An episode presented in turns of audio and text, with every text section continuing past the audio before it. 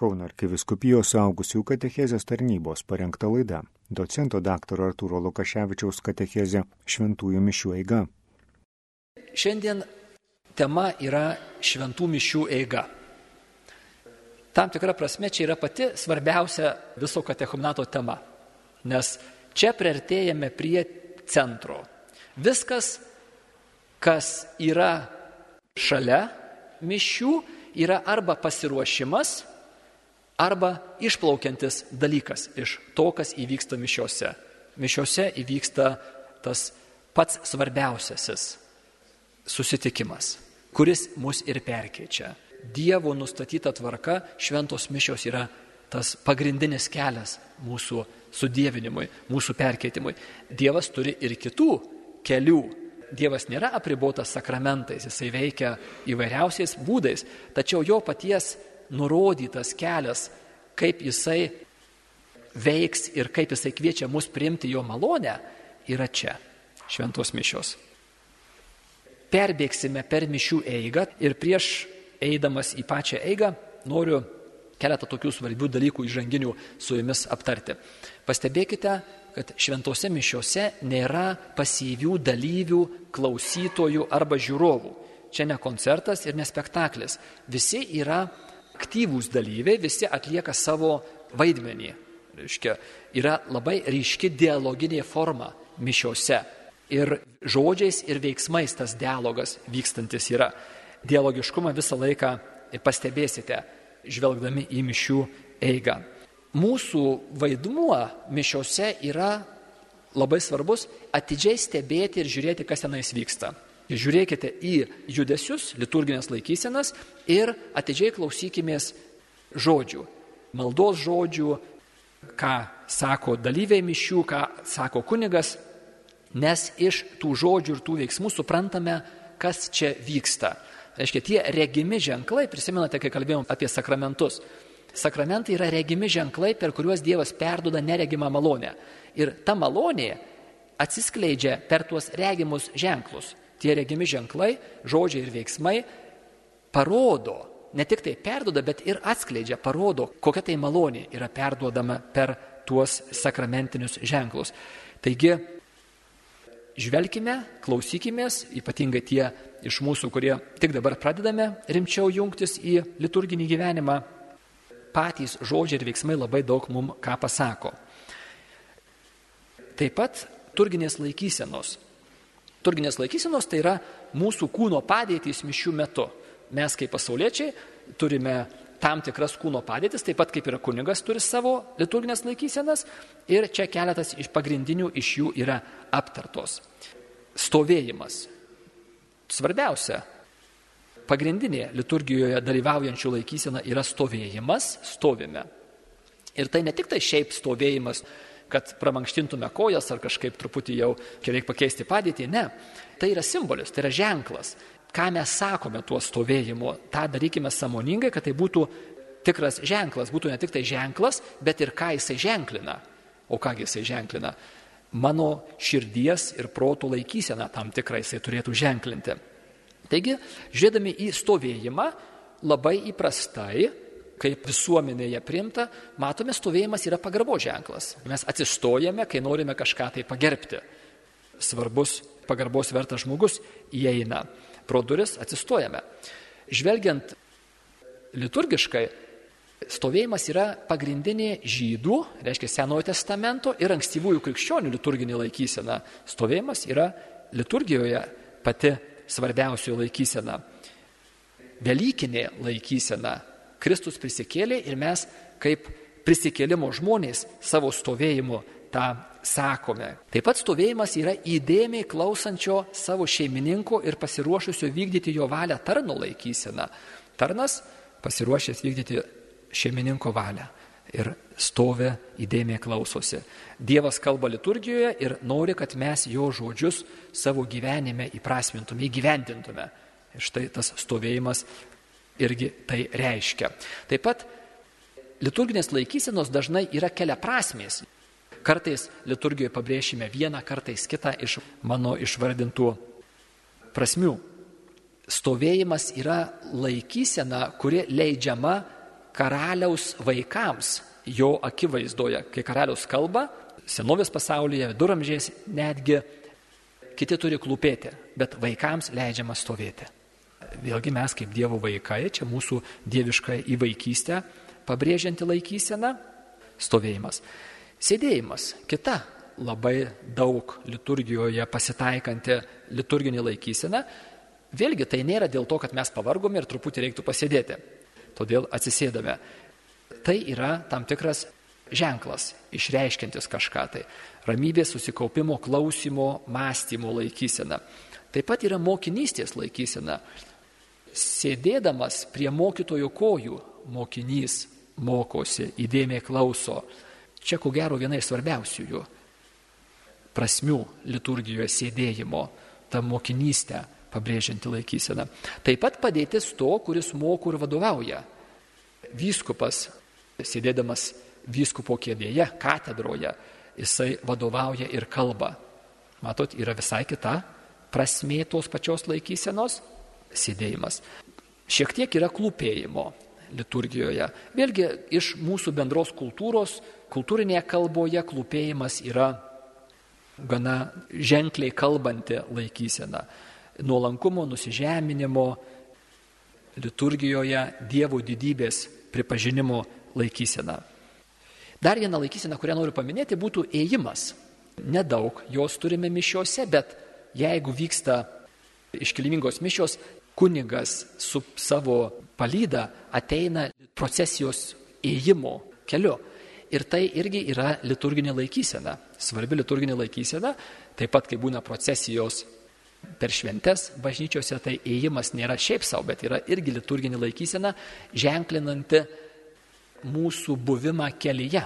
Šioje žemėje mes esam keliaujanti bažnyčia ir ėjimas yra simbolinis veiksmas. Esame kelyje pas Dievą ir taip pat Dievas keliauja kartu su mumis. Dievas yra jau dabar su mumis ir ėjimas, kaip liturginė laikysena, tą pabrėžia. Taigi šventų mišių eiga. Jeigu vyksta iškilmingos mišios, vadovas, kuningas ar vyskupas įeina liturginės procesijos keliu, paprastai tos procesijos nebūna ir šventos mišios pradedamos yra kryžiaus ženklu, vardan Dievo, tėvo ir sunaus ir šventosios dvasios. Prisimenate, kryžiaus ženklas yra katalikiškai tikėjimą sukoncentruojantis į simbolinį veiksmą, lūpų malda ir kūno kalba yra judesys e, kryžiaus ženklas. Švenčiausioji trejybė yra šiame ženkle ir taip pat yra Kristaus kryžius, Kristaus mirties ir prisikelimo simbolis - kryžius. Taigi Jėzus yra šio tikėjimo centre.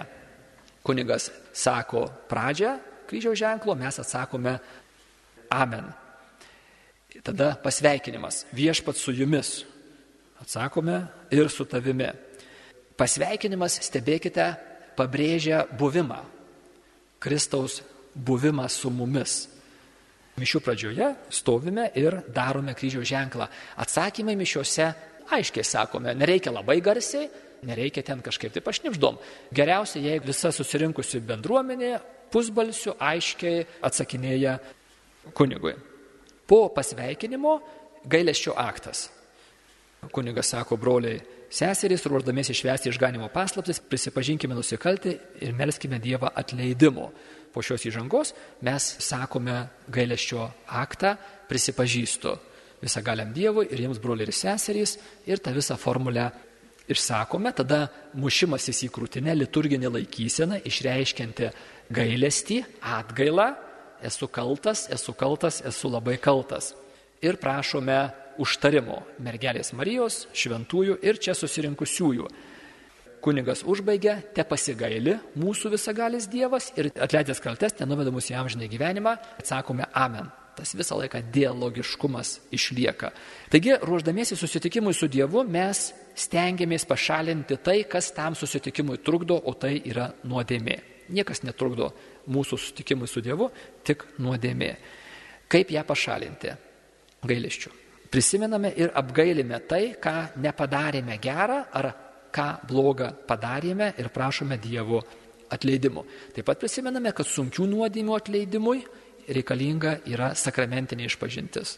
Jeigu reikia sunkių nuodėmų atleidimo einame iš pažinties. Po gailesčio akto maldavimai seka, viešpatie pasigailėk, Kristo pasigailėk arba graikiškai Kyrie eleison, Kriste eleison. Kyrie eleison yra graikų kalbos šūksnis, išvertus į lietuvių kalbą reikštų viešpatie pasigailėk. Pagrindinė prasme viešpatie be abejo Jėzau Kristau pasigailėk. Taigi šiais žodžiais Jėzus išpažįstamas viešpačiu, melžiama jo atleidimo, jo pagalbos nes tik jo dėka gauname nuodėmių atleidimą. Ir tai pabrėžiama šitą frazę. Kyrie eleison frazė yra vienintelė likusi graikiška frazė šiandienėse mišiuose iš pirmųjų amžių liturgijos. Ankstyvaisiais bažnyčios amžiais graikų kalba buvo pati svarbiausia liturgija formuojanti kalba ir tai iš tų pirmųjų amžių išlikusi šita mišių dalis - maldavimai Kyrie eleison. Visos kliūtys mūsų susitikimui su Dievu mūsų laimiai pašalintos ir mūsų džiaugsmas išsilieja garbės himnu - glorija. Gražus, ilgas, didingas garbinimo himnas. Garbė Dievo aukštybėse, o žemėje ramybė, geros valios žmonėms, šloviname, aukštiname, lenkiamės, garbiname, garbės himnas. Kai aš tik atsiverčiau ir pradėjau lankytis mišiuose, mane truputį erzindavo šitas himnas. Jis man primindavo komunistinę praeitį. Buvo garbė Tarybų sąjungos komunistų partijai ir dar kitais žodžiais tą patį pasakom ir dar kartą pasakom. Ir mane šiek tiek tas trikdydavo ir užtruko laiko, kol tapo man aiškiau. Garbiname Dievą ne todėl, kad jam to reikėtų ar jis reikalautų mūsų garbinimo. Garbinimas yra pati natūraliausia reakcija žmogaus arba kūrinio, kuris trupučiuką susigaudo, kas yra Dievas. Štai Dievas yra toks didingas, toks gražus, toks geras, kad jeigu mes kokį 0,01 procento tą išvelgiame, tai mes negalim kitai kaip tik tai sprokti iš džiaugsmo ir šaukti aleliuja ir garbė tau ir, ir koks tu didis, koks tu geras. Tai yra, reiškia, tai yra natūrali reakcija. Ne mums kažkas tai liepia ir mes tada, kadangi liepia, tai darom taip. Bet tai yra natūrali spontaniška reakcija prieš tą realybę, kuri čia mums atsiveria. Tas garbės himnas. Stebėkite, yra trejybinė himno struktūra, tėvas, sūnus ir šventoji dvasia, labai dažnai liturginės maldos išlaiko šitą trejybinę struktūrą.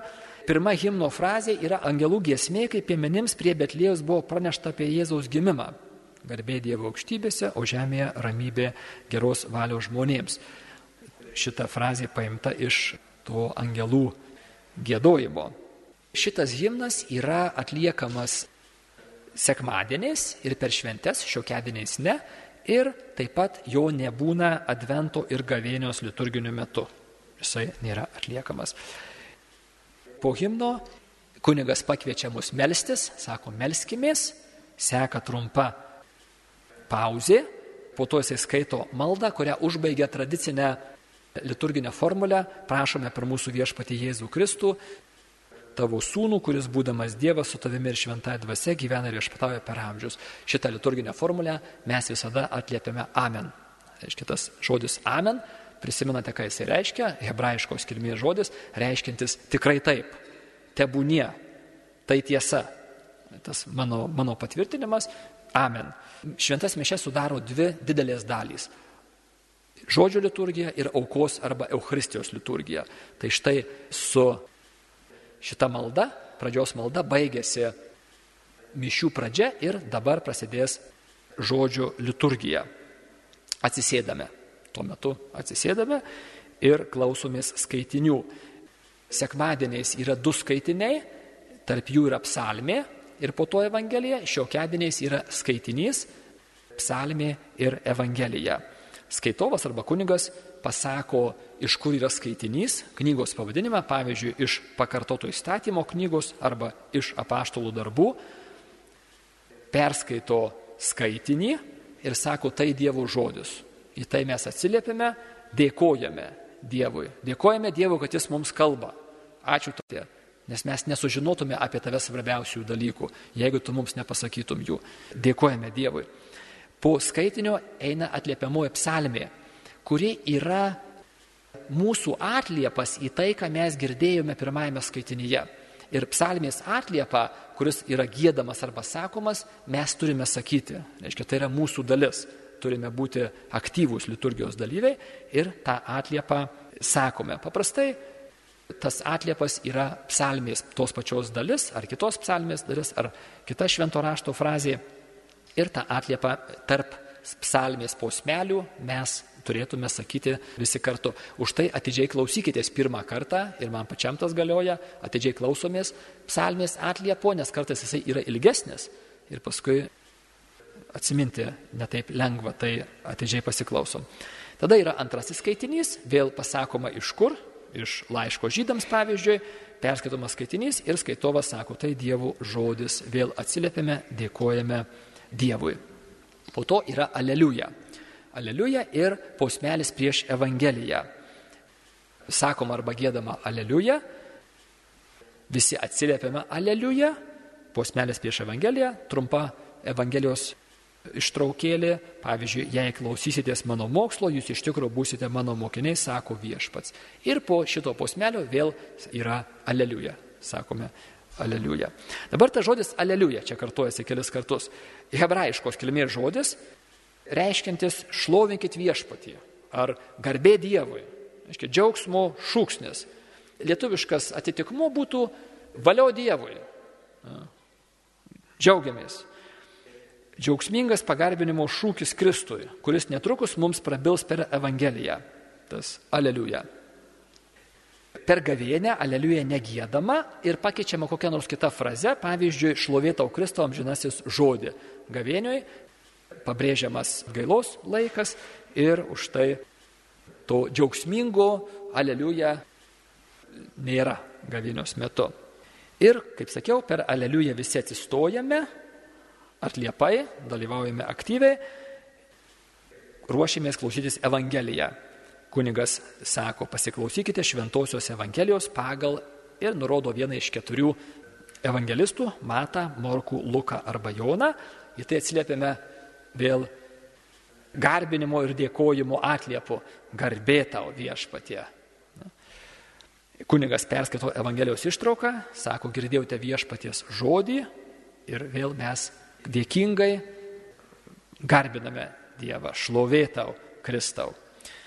Šitie atsakymai susirinkusios bendruomenės yra džiaugsmo šūkiai, išreiškiantys pripažinimą, kad Kristus yra čia ir kalba mums per Evangelija. Pats žodis Evangelija graikiškai reiškia geroji naujiena arba džiugioji žinia. Evangelija. Ir tai turėtų e, mumise jau rasti atliepą, tas Evangelijos džiaugsmas. Klausomės Evangelijos stovėdami, pagarba, pasiruošimas vykdyti Kristaus nurodymus, taigi visi dėmesingai klausomės. Tariant žodžius, garbė tau viešpatie prieš Evangeliją klausydamiesi, darom važus kryželius. Kryžiaus ženklą dedam ant kaktos, ant lūpų ir ant krūtinės. Šitas kryžiaus ženklas, tie maži kryželiai, yra labai senas, jisai net senesnis yra už mums įprastą kryžiaus ženklą. Ir tų trijų kryželių simbolika labai plati. Galite rasti gana įvairų paaiškinimą. Visi jie yra geri, reikalingi, svarbus, pabrėžiantys vieną ar kitą aspektą tos simbolikos jie išreiškia mūsų pasirengimą ir pastangas Dievo žodį suvokti, na, kiek įmanoma, kiek turiu protelio, stengiuosi suvokti aš jį. Išpažinti tinkamai ant lūpų ir širdyje saugoti ir juo gyventi, kad jisai būtų mano valios apsisprendimų skatintojas. Tie trys kryželiai, tai darykime juos samoningai. Tada po Evangelijos, po atliepo šlovėtau Kristo atsisėdame ir klausomės homilijos. Homilija paaiškina skaitinius ir suaktualina, kad mes juos galėtume tinkamiau įgyvendinti savo kasdienybėje. Dievo žodis ateina pas mus, kad mes juo gyventume. Ir tas įgyvendinamas, homilija turi paaiškinti, padėti mums įgyvendinti. Per homiliją visi sėdome, sėdime ir klausomės. Homilijai pasibaigus, atsistojame ir išpažįstame savo tikėjimą, išpažįstame, sakome, kredo tikėjimo išpažinimą, paprastai sakomas tas ilgesnis, Nikėjos Konstantinopolio tikėjimo išpažinimas, kartais sakomas tas trumpasis, bet jau dabar paprastai sekmadieniais sakomas ilgasis. Tai yra mūsų atsakas, mano atliepas į Dievo žodį, ką tik tai girdėta ir paaiškinta Dievo žodį, kuris ir sužadina mano tikėjimą. Dievo žodis yra tai, kas manyje iššaukia tikėjimo atliepą, tikėjimo reakciją. Taigi tikėjimo išpažinimas yra mūsų pasitikėjimo ir gyvo ryšio su Dievu ženklas ir išraiška. Ir tada vėlgi klauskime savęs, ar yra tai, ką jis ženklina, ar yra manyje tas tikėjimas, kurį šitas tikėjimo išpažinimas ženklina išoriškai ir girdimai. Ar tai yra tik tai tušti žodžiai, kaip sakant, pasakau tai, ką čia liepia sakyti, bet iš tikrųjų net nesirūpino, ar jie tai turėtų, aišku, nebūti tokia abejinga laikysena, turiu klausti savęs, ar yra tai, ką šitas ženklas ženklina manyje iš tikrųjų. Tikėjimo išpažinimas kalbamas sekmadieniais ir švenčių dienomis, kitomis dienomis nekalbamas yra ir be abejo garsiai jį sakome. Po tikėjimo išpažinimo yra visuotinė malda, kur kunigas pradeda ją fraze, pavyzdžiui, broliai ir seserys su pasitikėjimu šaukimės dangaus tėvo ir sakykime jam savo prašymus. Pasako tada atliepą, kuriuo mes atsiliepsime, pavyzdžiui, išklausyk mus viešpatie. Tada kunigas arba skaitovas skaito prašymus, po kiekvieno prašymo atsiliepiame nurodytų atliepu. Paprastai būna šeši, septyni prašymai, gali būti iš mišiolo, Tai yra iš knygos, kurie nurodyta, kaip turi būti švenčiamos mišios, arba galima, gali būti sugalvotos savo vietinės bendruomenės kunigo patvirtinti prašymai, apimantys įvairius bažnyčios ir pasaulio ir mūsų susirinkusiųjų reikalus. Paprastai melžiamasi už popiežių, kitus ganytojus, už valstybių vadovus, už taiką, už kenčiančius, už šią susirinkusią bendruomenę, už visą tai, kas mums labiausiai rūpi reiškia labai labai platus spektras galimybių, viską atiduodam Dievui, kas mums yra svarbu. Ir į tuos kreipinius atsiliepiame nurodytų atliepu. Tai yra paskutinė žodžio liturgijos dalis, žodžio liturgija baigėsi, prasideda antroji mišių dalis Euharistijos liturgija arba aukos liturgija. Atsisėdame po visuotinės maldos atsisėdame ir prasideda Euharistijos liturgija. Jis prasideda atnašų paruošimu.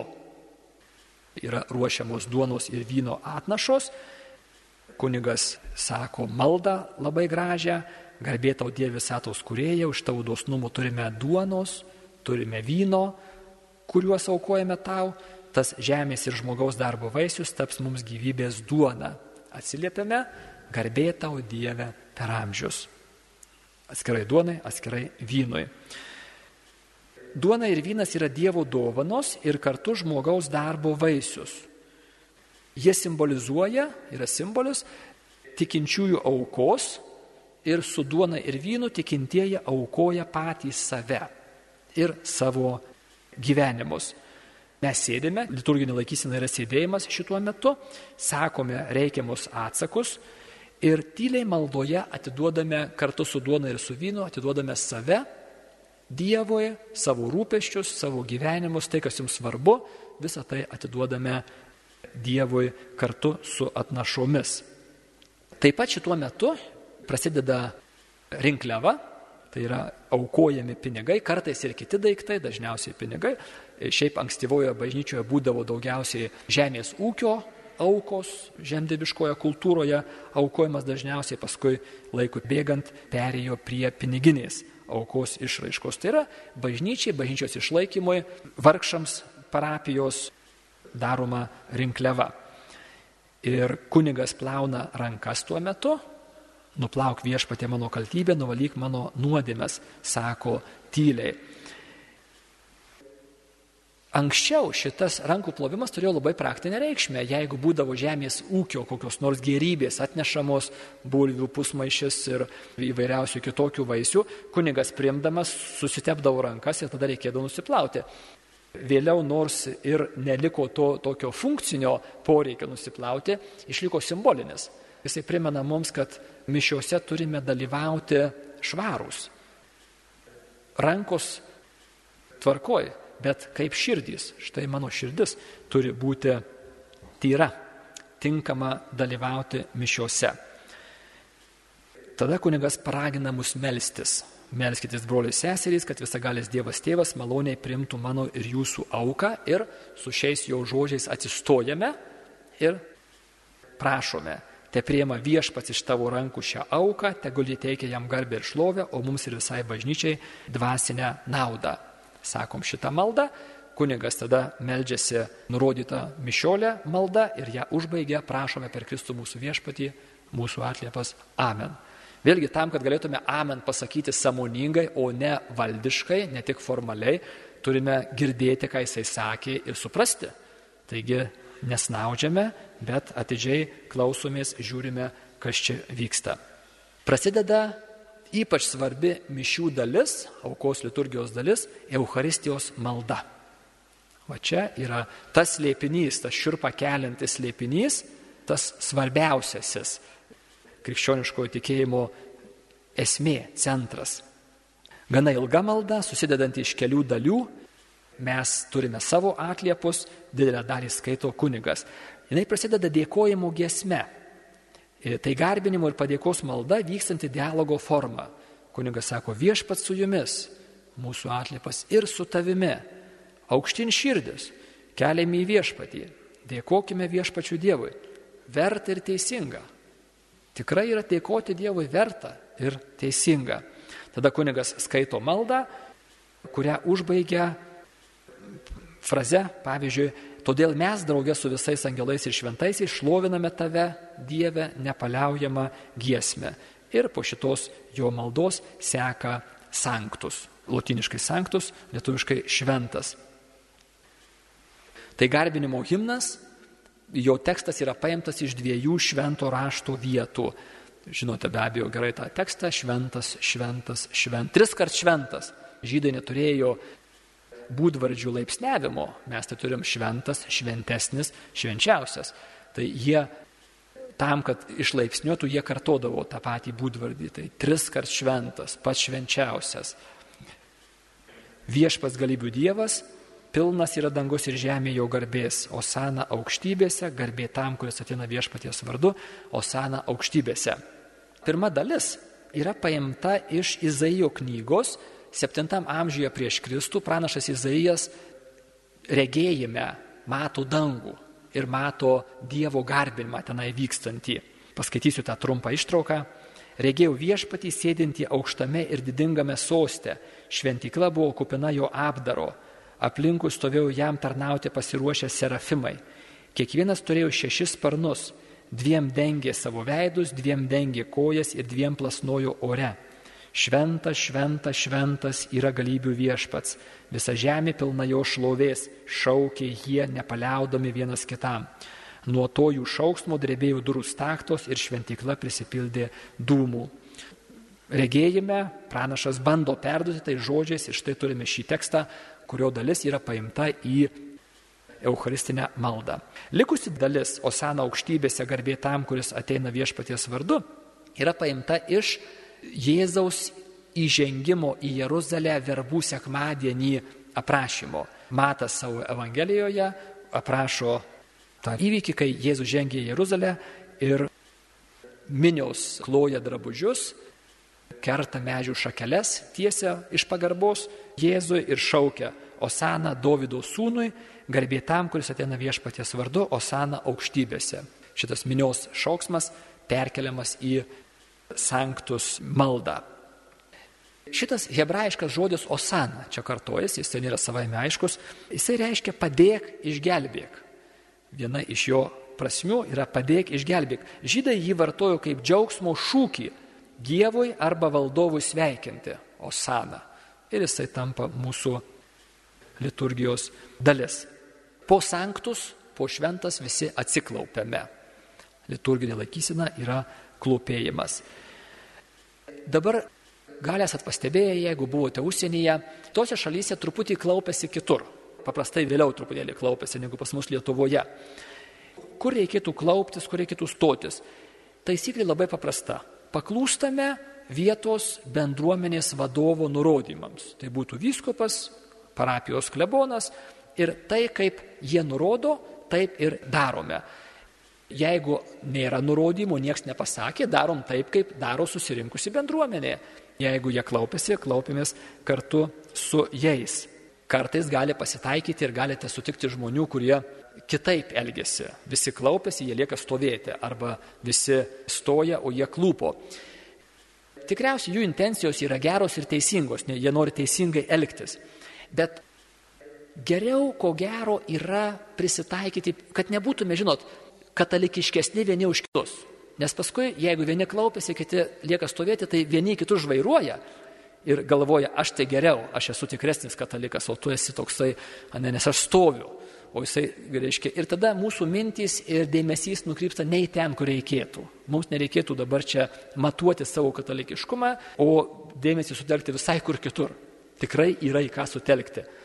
Tai ko gero bus teisingiausia Jeigu vietinė bendruomenė įpratusi ten klauptis, klaupėmės su jais.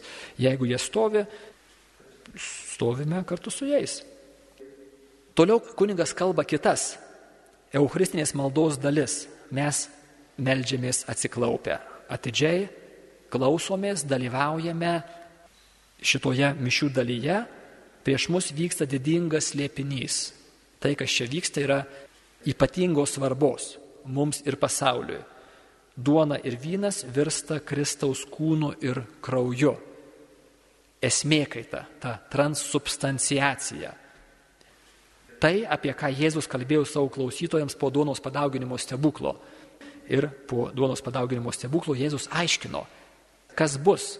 Duona yra jo kūnas, vynas yra jo kraujas. Tai vyksta dabar. Kunigas prašo Dievą tėvą atsiųsti savo šventąją dvasę ant duonos ir vyno, kad jie taptų Kristaus kūnu ir krauju. Kunigas skaito paskutinės vakarienės įsteigimo atpasakojimą. Kai savo norų turėjo būti kančiai išduotas, ėmė duoną į savo šventas garbingas rankas, laužė, davė mokiniams tardamas, ėmė vyną, davė mokiniams tardamas. Pasakojimas Kristaus veiksmų ir žodžių per paskutinę vakarienę ir čia Kristaus žodžiais ir veiksmais atliekama auka, kurią pats Kristus įsteigė per paskutinę vakarienę ir liepė apaštalams tai daryti jo atminimui. Va štai čia kunigas veikia Kristaus asmenyje, in persona Kristi. Lautiniškas posakis tam išreikšti reiškia, kunigas paskolina save Kristui ir Kristus veikia per kunigo rankas, lūpas, kūną Kristus sako, imkite ir valgykite, imkite ir gerkite. Įvyksta perkeitimas. Kai kuningas pakylė konsekruotą ostiją, o po to taurę, Kristaus kūną ir kraują, pagarbiai žvelgiame į juos. Kristus atėjo. Tai, kas įvyko įsikūnyjimo metu, kai žodis tapo kūnu ir gimė kūdikėlis Jėzus, tas paslėpinys įvyksta čia. Dievas ateina į paprastą duonos gabalėlį ir į paprastą vyną. Ir ne dėl to, kad ten būtų ypatinga duona ir ne dėl to, kad ten būtų ypatingas vynas, o dėl to, kad Jėzus pažadėjo tai daryti ir per kiekvienas mišes tai jisai padaro. Kai kunigas pasako tikėjimo paslaptis, atsiliepiame mūsų atliepas. Mes skelbėme viešpatė tavo mirtį ir išpažįstame tavo prisikelimą, laukdami tavęs ateinant. Šiuo atliepu išpažįstame, kad tikime Kristaus auka ir jos sudabartinimu, kuris ką tik prieš mus įvyko. Po vakarienės atpasakojimo mes ir toliau klūpime. Po vakarienės atpasakojimo ir mūsų atliepo kunigas kalba maldą graikiškai vadinamą anamnezę, kas reiškia atsiminimą minėdami jo mirtį ir prisikelimą mes tau viešpatė aukojame gyvenimo duoną ir išganimo taurę. Bažnyčia minė Kristų, jo kančią ir prisikelimą. Svarbi detalė yra čia tas prisiminimas, atsiminimas. Tai nėra šiaip pasyvus toksai atsiminimų vakaras. Va, prisimename kažką tai praeitįje, prisiminimai. Ne, ne, ne. Kadangi kryžiaus auka mišiuose yra sudabartinama, tai yra atsiduria čia ir dabar. Jis čia ir dabar atsiranda. Šiuo atsiminimu tikintysis joje realiai dalyvauja. Reiškia, šitas atsiminimas mane realiai nukelia į Kristaus aukos momentą ant kryžiaus ir taip pat į paskutinės vakarienės kambarį. Šie šventos mišios yra laiko mašina arba erdvėlaikio mašina, per kurią aš esu nukeliamas į tai, kas įvyko didįjį penktadienį ir didįjį ketvirtadienį. Paskutinė vakarienė ir Kristaus kryžius. Tai, kas sudabartinama kiekvienose šventose mišiuose. Ir Eucharistijos malda užbaigiama iškilmingų švenčiausios trejybės pagarbinimu, ta didinga formulė per jį, su juo ir jame. Tau visą gali Dieve tėvė, su šventąją dvasia, visa garbė ir šlovė per amžius ir mūsų atliepas yra amen. Bet čia ne šiaip savo amen, čia yra vadinamasis didysis amen. Ir gerai, jeigu mišiuose yra choras ir padeda mums tikrai širdies tą amen gėdoti ir pakankamai garsiai čia turėtų būti jisai sakomas.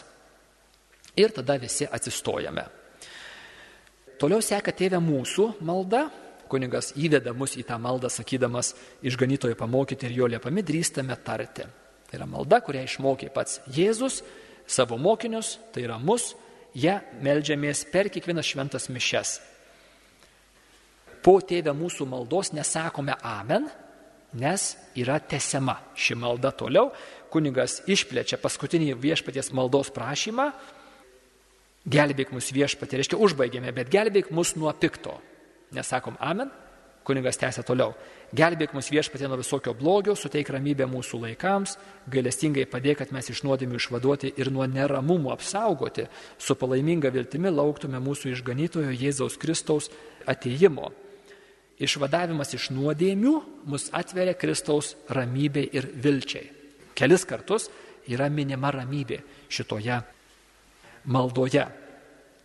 Visi akcentai ir tėvė mūsų, ir po to sekanti malda, prašymas išvaduoti iš nuodėmių ir suteikti ramybę, ramybės palinkėjimas vieni kitiems tuoj vad bus, yra pasiruošimas priimti patį Kristų komunijoje.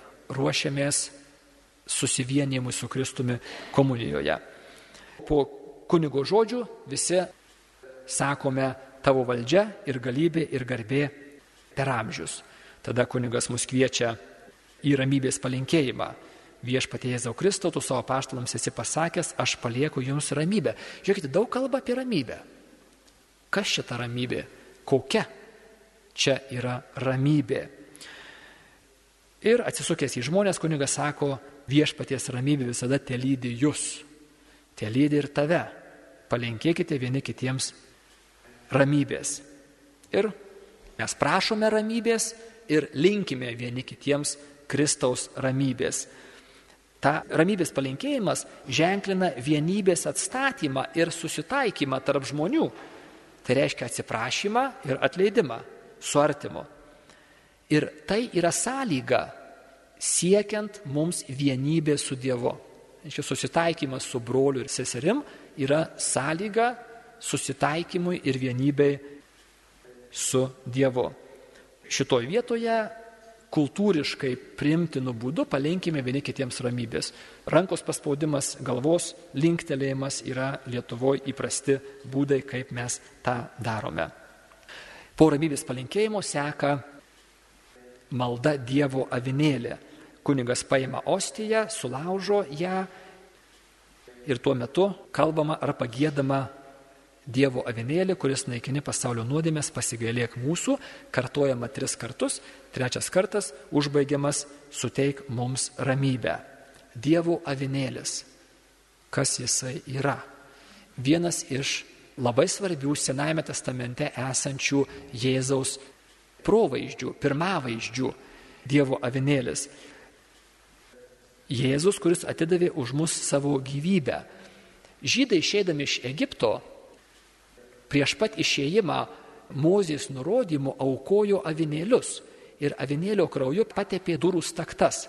Ir tas avinėlio kraujas apsaugojo žydų namus nuo žūties. Avinėlio kraujas apsaugojo, ne jų gerumas, ne tai, kad jie buvo labai šaunuoliai ir labai pamaldus ir labai šventi žmonės, ne. Avinėlio kraujas juos apsaugojo. Jėzus yra tikrasis avinėlis, kurio kraujas mus išgelbsti.